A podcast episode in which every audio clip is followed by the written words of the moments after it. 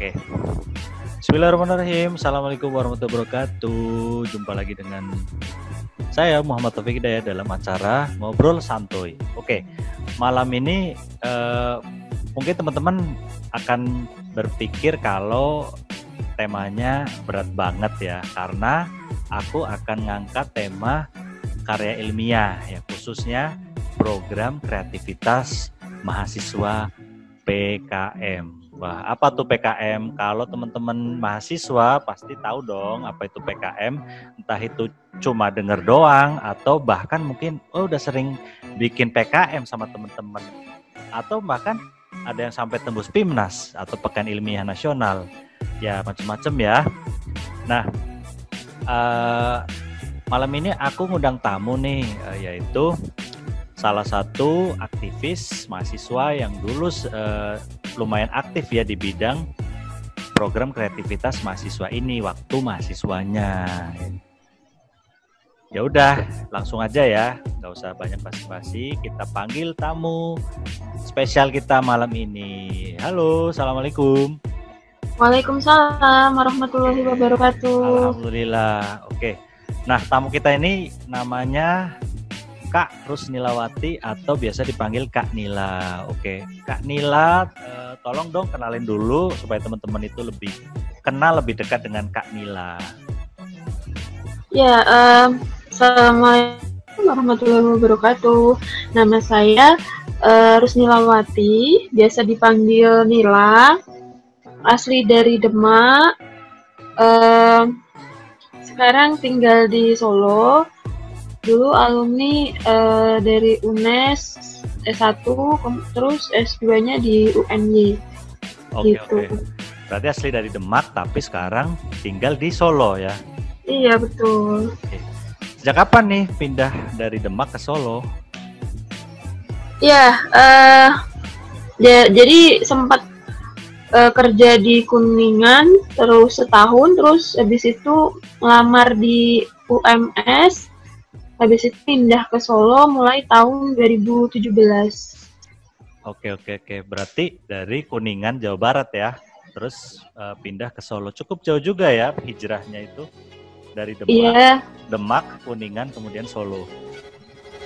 Ya untuk um, mengejar cita-cita, jadi ya itu perjalanan perjalanan hidup yang uh, cukup panjang dan cukup misterius ya nggak tahu. Misterius ya ta, tan, tan, uh, tidak ada uh, tidak diduga sama sekali. Jadi tidak diduga sama Benar. sekali nih dulu. Oh hmm. uh, sekarang menetap dan bekerja di UMS di Solo ya. Iya betul. Oke oke oke. Nah Kak Nila ini kan dosen ya di UMS jadi kan cukup dekat dunianya dengan mahasiswa. Nah ya jadi ini kan cukup ini ya cukup uh, apa berhubungan ya dengan tema kali ini yaitu program kreativitas mahasiswa. Selain sekarang Kak Nila mungkin juga jadi pembimbing PKM mahasiswanya di UMS. Juga dulu Kak Nila uh, aktif uh, membuat PKM apa tidak? Ya, uh, jadi alhamdulillah ceritanya dulu tuh uh, saya PKM itu apa ya? Awalnya itu hanya coba-coba. Lama-lama uh, kan, ketagihan. coba-coba. gitu. Jadi awalnya tuh nggak nyangka juga sih bisa bisa lolos di okay, okay. PKM gitu uh. kan saya kan setiap se sebenarnya tuh saya tuh nggak tahu nggak tahu passion saya ya maksudnya ketika kuliah tuh ya uh, saya tuh sebenarnya terampil dalam hal apa gitu terus Oke. Okay. Tapi kuliahnya kan dulu ngambil PGSD kan? Jadi walaupun yeah. udah udah kuliah di PGSD masih bimbang sebenarnya saya itu terampil atau berbakat di bidang apa kayak gitu. Iya betul. Jadi waktu S1 memang PGSD ya. Terus S2-nya tuh saya ngambil pendidikan matematika, tapi ya e, karena ngejar beasiswa ya jadi diambil aja gitu. Terus e, pas waktu S1 e, kan nih nggak punya uang saku ya, jadi uang makan tuh pas-pasan buat bensin aja ndak ini nggak ada gitu. Terus oke oke oke. ap apalagi tugas itu mahasiswa tuh ini ya kalau nggak punya laptop tuh nggak bisa ngerjain ya. Kan ini kayak banyak tugas tuh yang pakai laptop. Nah nggak saya bisa tuh ngetik-ketik ya? Nggak bisa. Kan ini nggak punya uang ya buat beli kayak gitu. Buat beli, beli laptop. bayar, bayar kos aja ini uh, sambil ngelesin gitu. Terus akhirnya nyari beasiswa pengen nyari beasiswa tapi beasiswa itu ini banyak banget yang minat. Jadi dari anak-anak organisasi itu pada rebutan dapat beasiswa gitu. Akhirnya uh, ini kan PKM itu awalnya itu tidak ada sosialisasi sih dari maksudnya pelatihan seperti itu masih sangat minim pada waktu masa-masa saya ya jadi kayak info tentang PKM itu belum booming seperti sekarang. Kalau sekarang PKM itu universitas itu sangat menaruh perhatian gitu. Tapi kalau pas zaman di zaman aku itu benar-benar yang PKM itu baru hal yang uh, baru diluncurkan sama pemerintah juga. Jadi ya aku belajar sendiri gitu tak karena uh, ini ya karena dapat dana gitu kan. Terus akhirnya timbul motivasi dan dananya tuh lumayan. Oke oke. Nah itu tadi uh, menarik ya berarti pada zaman zaman Kak Nila dulu itu masih awal-awal banget ya itu PKM iya, itu iya program nah itu masih awal. sekitar tahun berapa dan awalnya itu Kak Nila itu tahu oh PKM itu kayak gitu ya itu dari siapa dan kapan tahun sekitar tahun ya waktu semester 1 2 tuh belum ad, belum tahu. Karena kan ada, belum ada sosialisasi dari prodi juga. Terus nggak uh, sengaja itu uh, lihat pengumuman gitu lihat pengumuman terus uh, wah ini kok dananya lumayan ya gitu. Wah ini kalau misal dapet bisa buat beli laptop nih. Terus uh, apa namanya aku aku membuat itu pertama itu kewirausahaan nah kewir PKM kewirausahaan itu okay, benar-benar ya?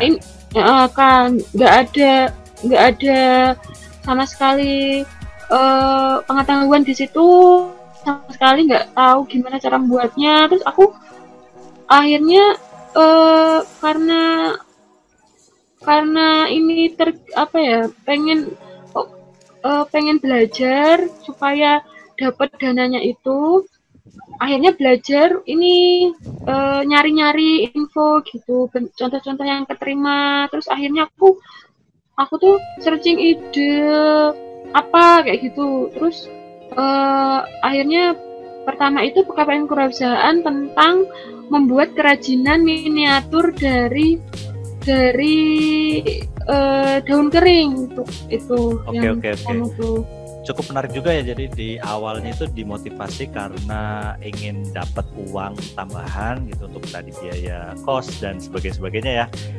Dan karena ingin dapat beasiswa tapi persaingannya ketat. Jadi Betul. kayaknya nih PKM itu cukup potensial ya untuk uh, mendapatkan dana yang cukup cukup besar nambah ya. cuan-cuannya. Nambah cuan-cuan oke oke. Tapi ngomong-ngomong berapa sih dulu itu dana PKM zamannya Kak Nila itu tahun 2010-an ya berarti ya iya, 10-an itu berapa sih waktu kewirausahaan itu didanai sekitar 10 ya Oh, 10 sekitar juta. 10. Oh, gede ya, lumayan ya sih. zaman segitu ya. Lumayan zaman segitu loh, lumayan banget. Tapi ngomong laptop laptop itu tahun itu harganya berapa ya?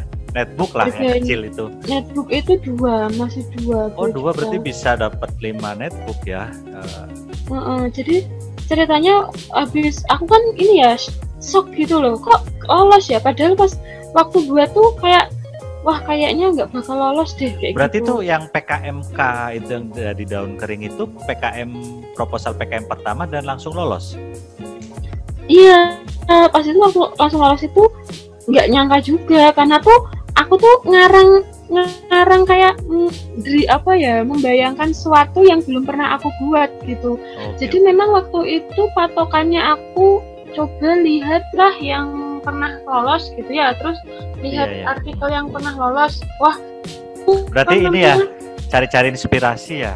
Iya nyari inspirasi. Terus apa dulu yang menginspirasi? Kenapa buat kewirausahaan dari daun kering itu?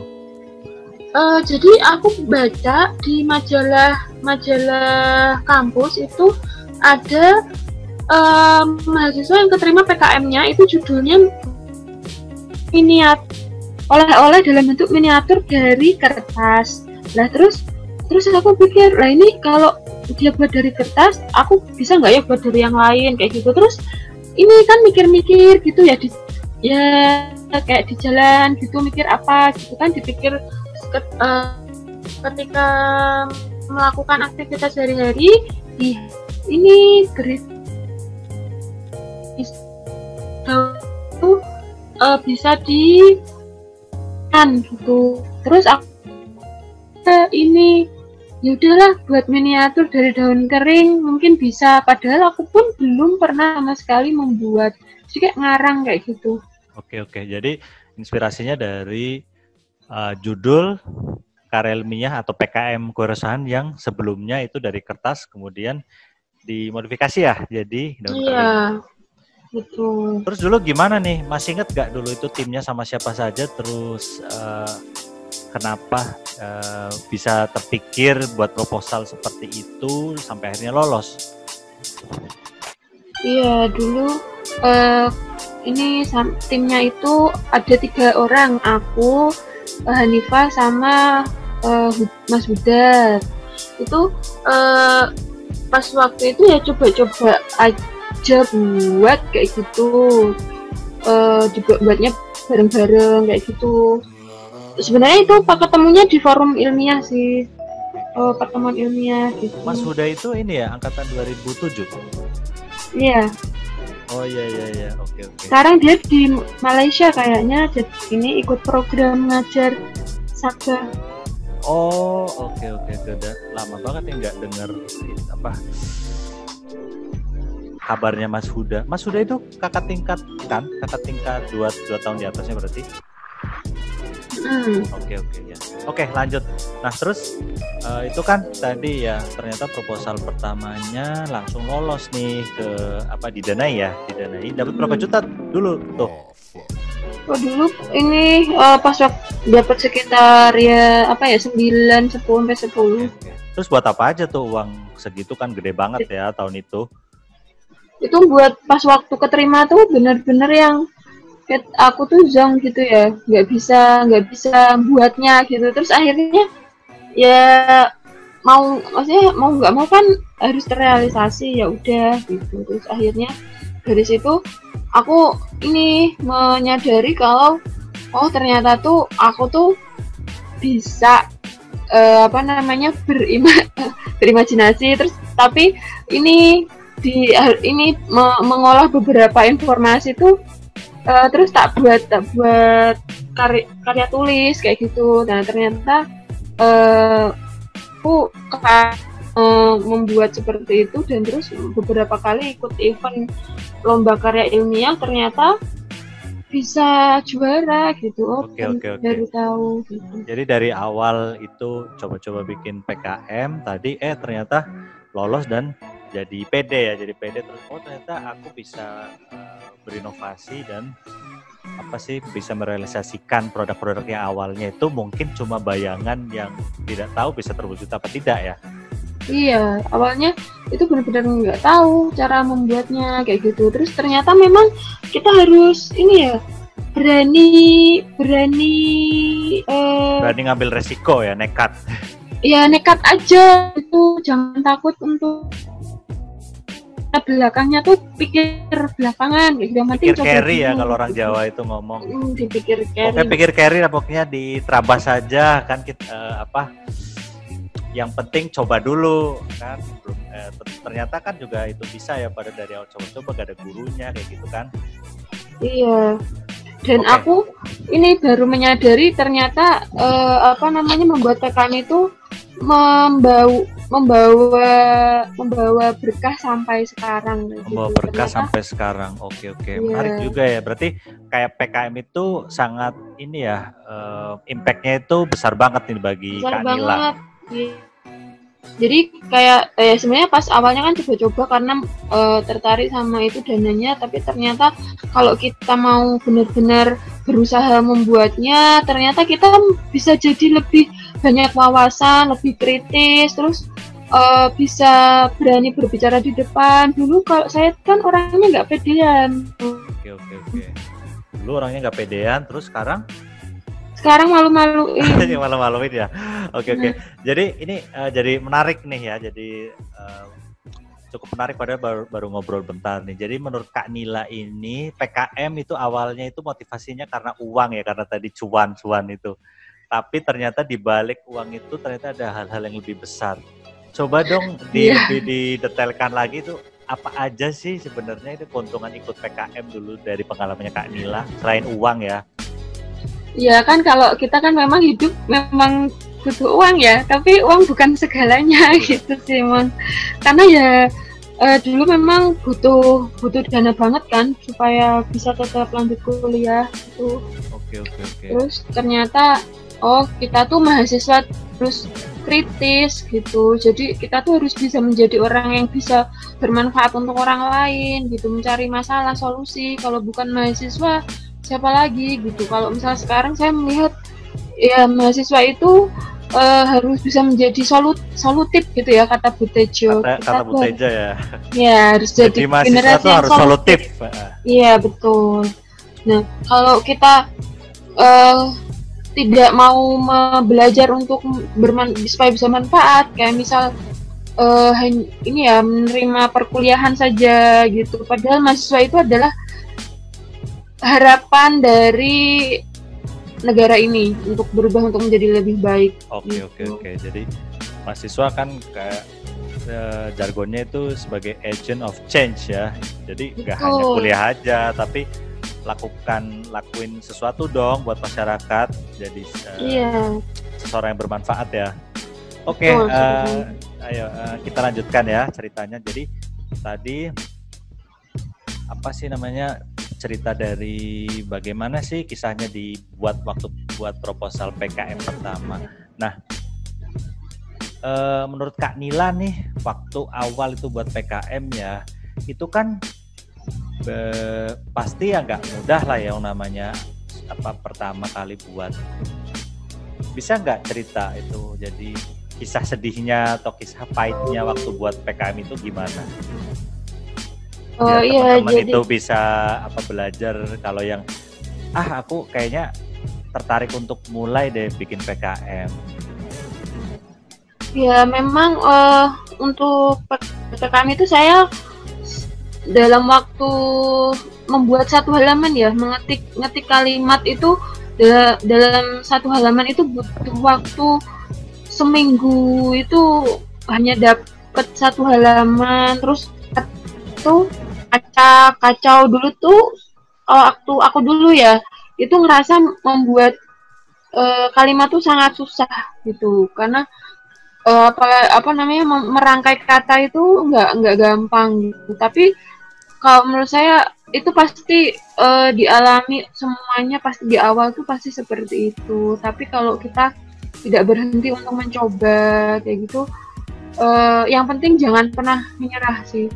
Du, uh, akhir kan waktu itu saya pertamanya tuh yang didanain PKMK ya tapi kan habis itu nggak uh, lolos timnas kayak gitu kan memang target saya targetnya pertama didanai gitu. Kan ternyata uh, apa namanya kalau kita bersungguh-sungguh ya uh, kalau kita bersungguh-sungguh pasti pasti uh, akan ada hasilnya kayak gitu. Terus akhirnya muncul mim, muncul mimpi-mimpi baru dari situ. Terus ya walaupun memang susah terus tapi uh, dari kesusahan itu tuh akhirnya aku belajar kalau kita itu sebenarnya kalau misal gagal itu ya wajar gitu Ta uh, tapi itu adalah sebenarnya adalah modal terus akhirnya Nai ini punya mimpi buat uh, ini akhirnya tahu oh ternyata ada Pimnas gitu oh Pimnas tuh seperti seperti ini akhirnya bermimpi lagi gitu setelah itu punya target target baru pengen ke Pimnas akhirnya nyoba lagi gitu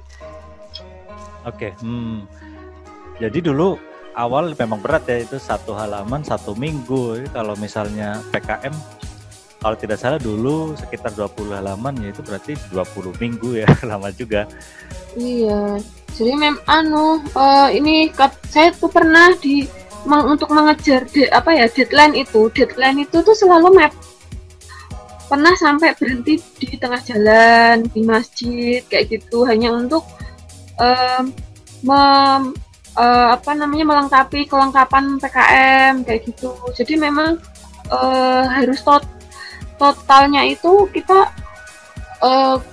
nggak uh, hanya membuat kalimat tetapi perjuangannya itu kayak misal um, tangan dosen atau ini apa namanya minta stempel stempel apa gitu. Itu itu harus di di, di benar-benar diperjuangkan gitu. Sampai ya sampai jungkir balik gitu. Oke oke. Jadi kayak main-main yaitu proposal sampai didanai apalagi mungkin sampai PIMNAS itu perjuangannya itu nggak hanya ngerangkai kata saja tapi juga tadi ngejar-kejar dosen tanda tangan stempel itu apa pahitnya seperti itu ya? Iya, lebih kalau misal dilihat wah timnas jalan-jalan ini di dikasih uang saku, terus naik pesawat gratis, terus dapat beasiswa. Dapat uh, habis habis timnas dapat beasiswa gitu. Uh, kayaknya sih enak gitu ya pas waktu di akhirnya ya, tapi uh, dalam perjalanannya ya kita harus harus mau uh, bangga gitu. Mm -mm, berarti kadang tuh memang uh, teman-teman itu lihatnya itu ya di akhirnya saja yang manisnya aja tapi nggak tahu itu di belakangnya itu kayak apa ya gitu. Oke, okay. yeah. nah ini udah uh, nyebut-nyebut PIMNAS nih. Nah sekarang uh, aku ingin tahu terus gimana sih dulu kan akhirnya lolos PIMNAS juga kan? Itu ceritanya gimana tuh bisa akhirnya bisa meraih mimpi lolos PIMNAS itu? Ya itu sebenarnya salah satu itu saya pernah ik, uh, motivasi gitu ya katanya tuh kita tuh kalau muda itu harus punya mimpi gitu kalau kita nggak punya mimpi itu nanti kita jalannya akan lurus-lurus aja akhirnya saya ya namanya waktu mahasiswa kan jiwanya masih ini ya berta berapi-api.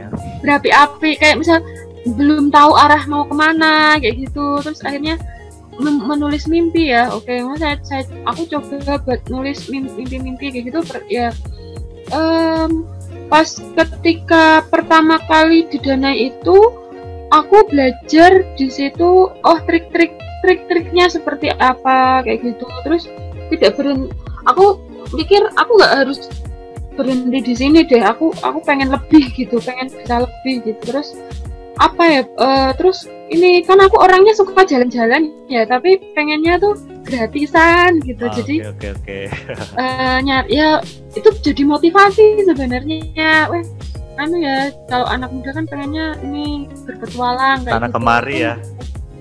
Uh, terus pengen jalan-jalan keluar pulau kayak gitu terus bisa nggak ya? Tapi tuh aku nggak punya uang. Terus gimana? Terus pengen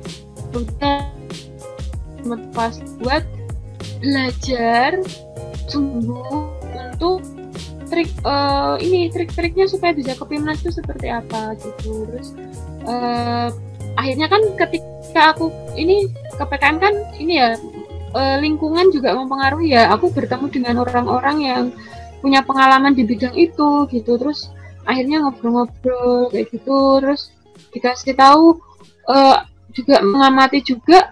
Aku juga nyari tahu juga berusaha nyari tahu juga yang lolos timnas itu siapa kayak gitu. Terus tak lihat produknya tuh seperti apa mereka mereka itu prosesnya seperti apa PPT-nya seperti apa. Nah itu tak tak tak tiru kemudian tak tak modifikasi gitu.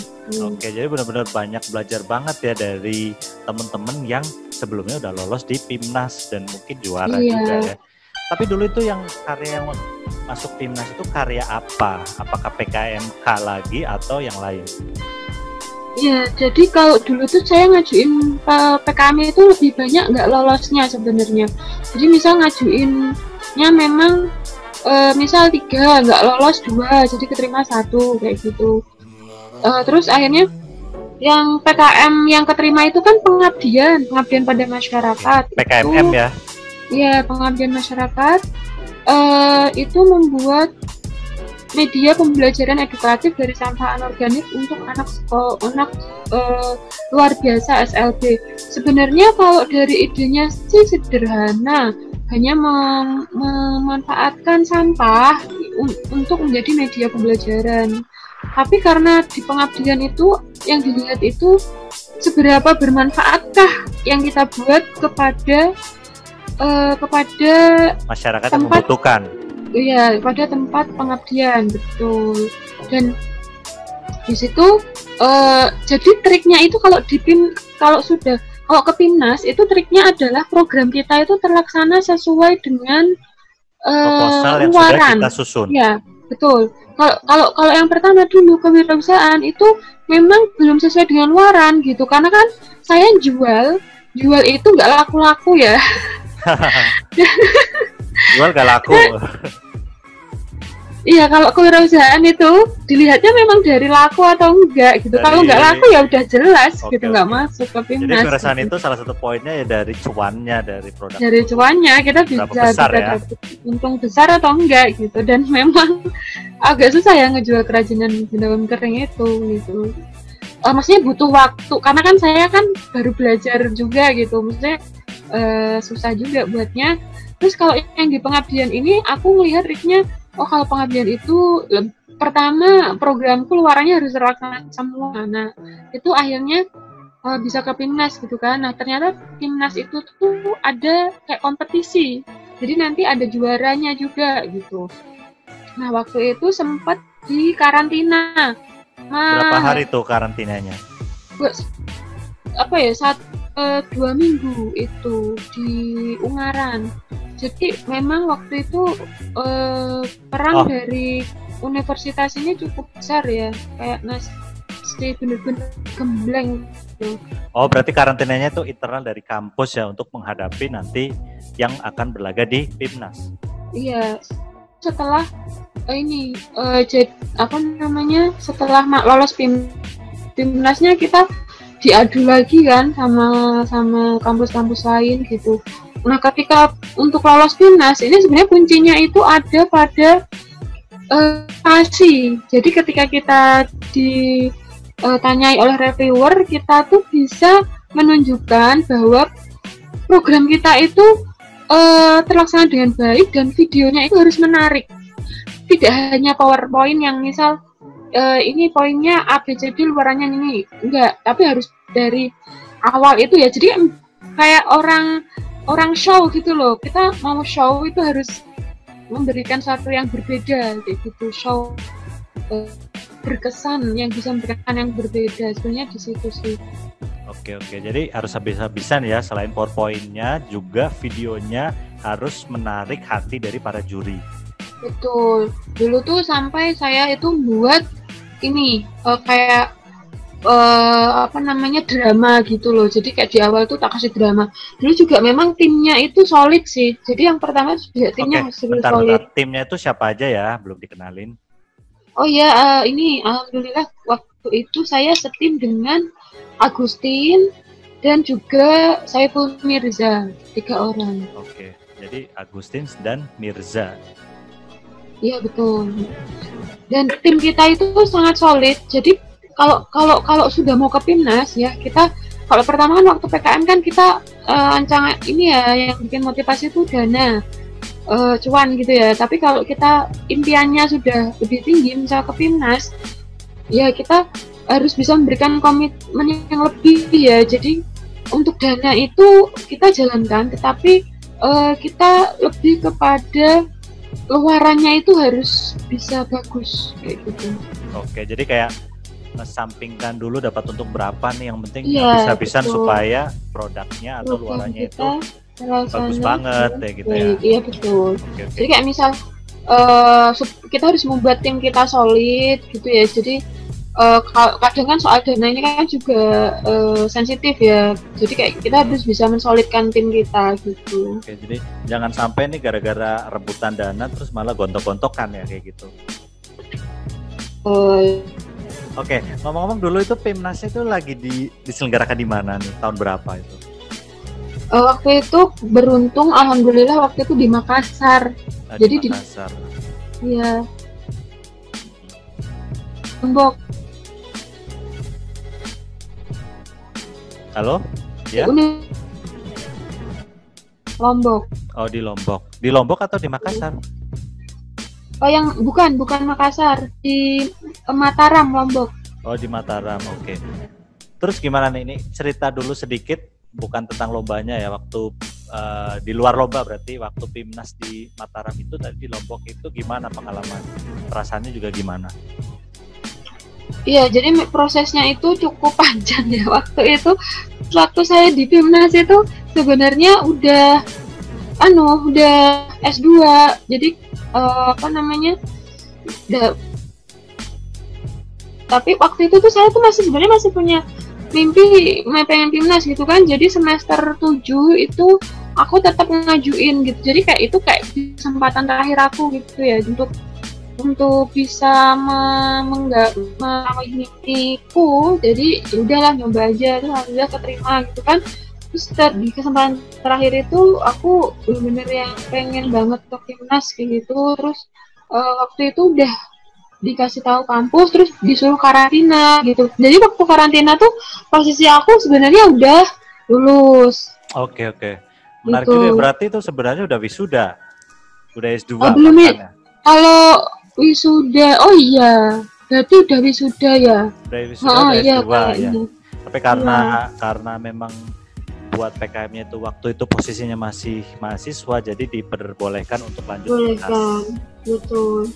Karena waktu ngajuin program itu masih mahasiswa. Jadi kalau menurut saya e, kalau misal kalian itu punya punya impian itu e, sampai sampai sampai ujung uh, terakhir ya sampai titik ujung terakhir itu dan, diperjuangkan kayak gitu oh, iya. uh, kayak Kak Nila juga kan nggak tahu ternyata rezekinya itu setelah lulus S1 ya sampai itu. Iya betul. Ternyata karena waktu itu memang kenal dengan PKM itu semester 5 oh, okay, semester okay, 5 okay. semester 4 itu belajar uh, ini baru baru pengumuman. Terus waktu di Makassar itu ketemu sama ini uh, banyak banget kampus-kampus uh, dari lain gitu benar-benar pengalaman. Uh, tidak terlupakan waktu itu dengan di dengan Mataram maaf di Mataram. Ya ditemani oleh pembimbing uh, tersayang kami Pak Hermanto okay. itu beliau sangat luar biasa mensupport kami. Terus juga dari uh, fakultas dari universitas itu juga uh, memberikan apresiasi yang sangat bagus terus kita tuh punya punya teman seperjuangan waktu itu yang setim setim semnas itu ya ke sana itu kayak jadi udah uh, jadi saudara seperjuangan kayak gitu. Oke oke jadi bahagia dan bangga banget ya bisa mewakili kampus untuk berjuang di tingkat nasional. Terus di sana ya, ketemu dengan jaket alma mater dari seluruh Indonesia yang warna-warni ya mungkin ya.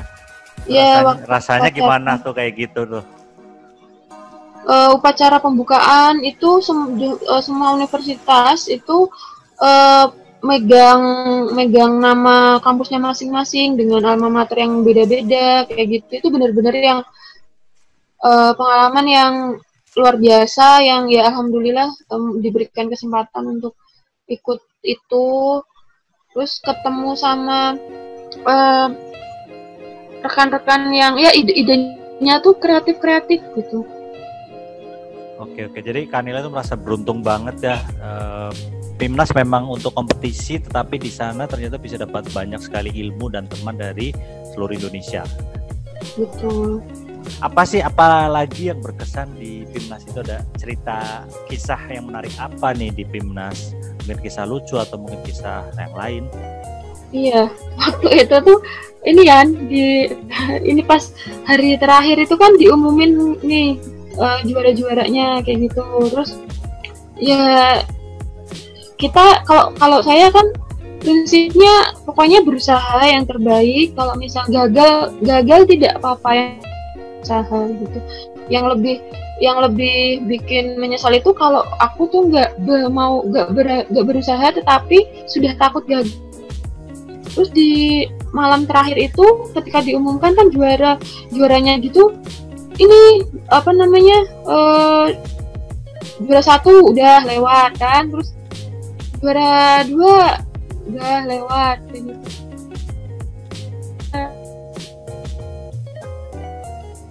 Eh perumbu ya Iya. Jadi ini yang diumumkan juara satu dulu, biasanya dari juara tiga dulu. Juara satu dulu waktu itu. Medali emas dulu ya berarti ya? Oh iya medali emas dulu. Emas, kemudian perak, baru perunggu. Oh, Oke. Iya. Gimana tuh perasaannya waktu kemudian dari panitia Pimnasana tuh mengumumkan kalau karya dari Kak Nila dan teman-teman itu dapat medali perunggu. Ya eh, deg-degan sih waktu itu, tapi eh ini ya pengennya kan kita ya memberikan yang terbaik kepada Ya, universitas. tetap gitu. target pengen dapat emas lah ya. Mhm. Itu semua peserta seperti itu. Iya, memang waktu itu eh, saingannya itu bagus-bagus sih di pengabdian itu. Jadi pengabdian yang mereka lakukan itu programnya inovatif dan sangat memberikan manfaat kepada masyarakat kayak gitu.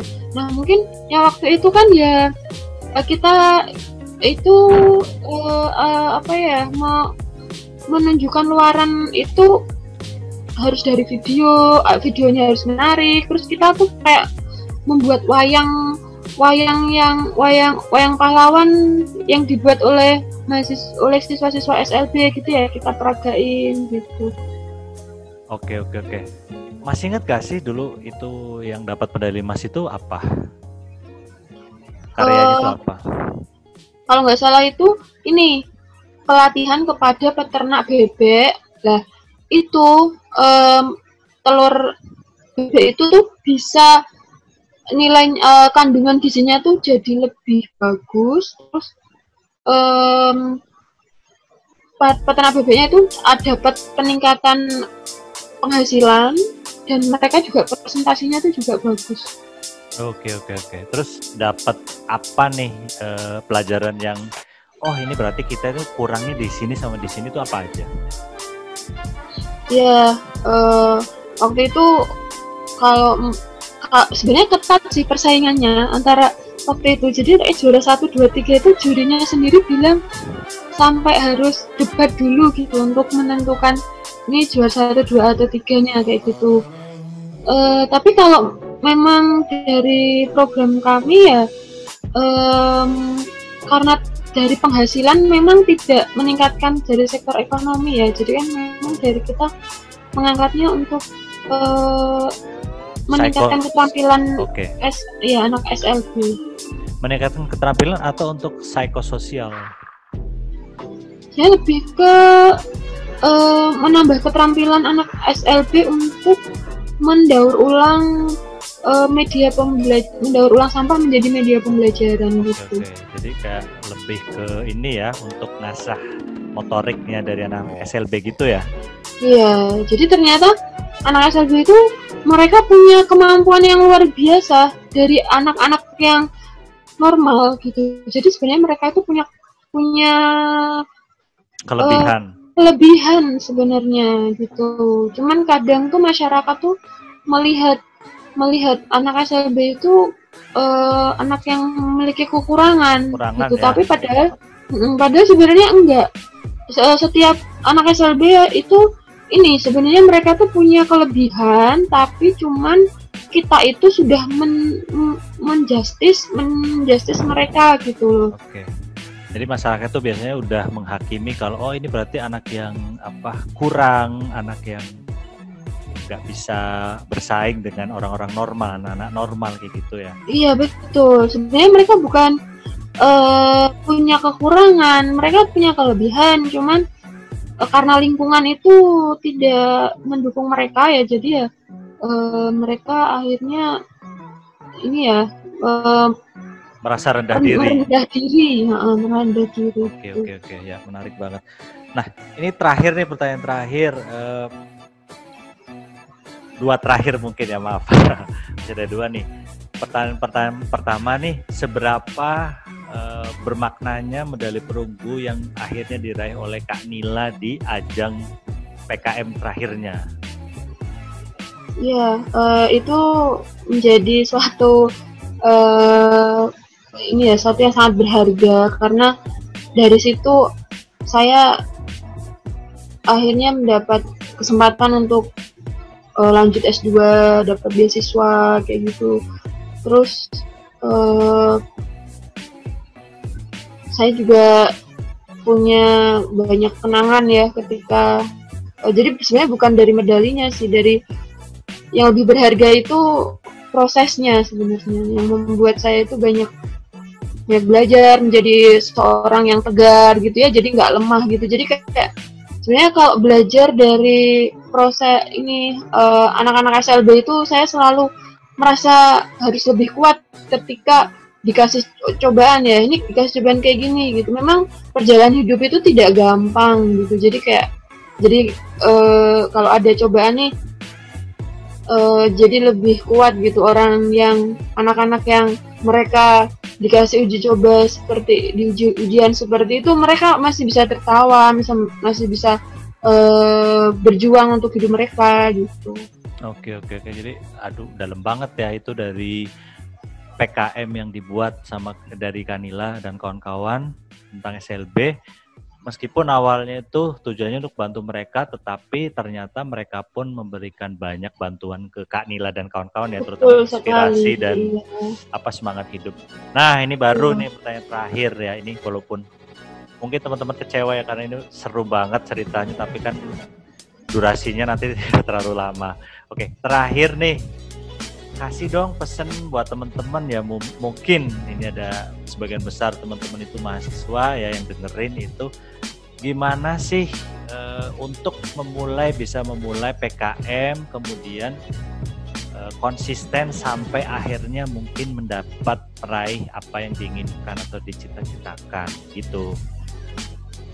Iya, eh, jadi pesan buat teman-teman mahasiswa uh, kita itu diciptakan oleh Allah itu pasti punya kelebihan gitu.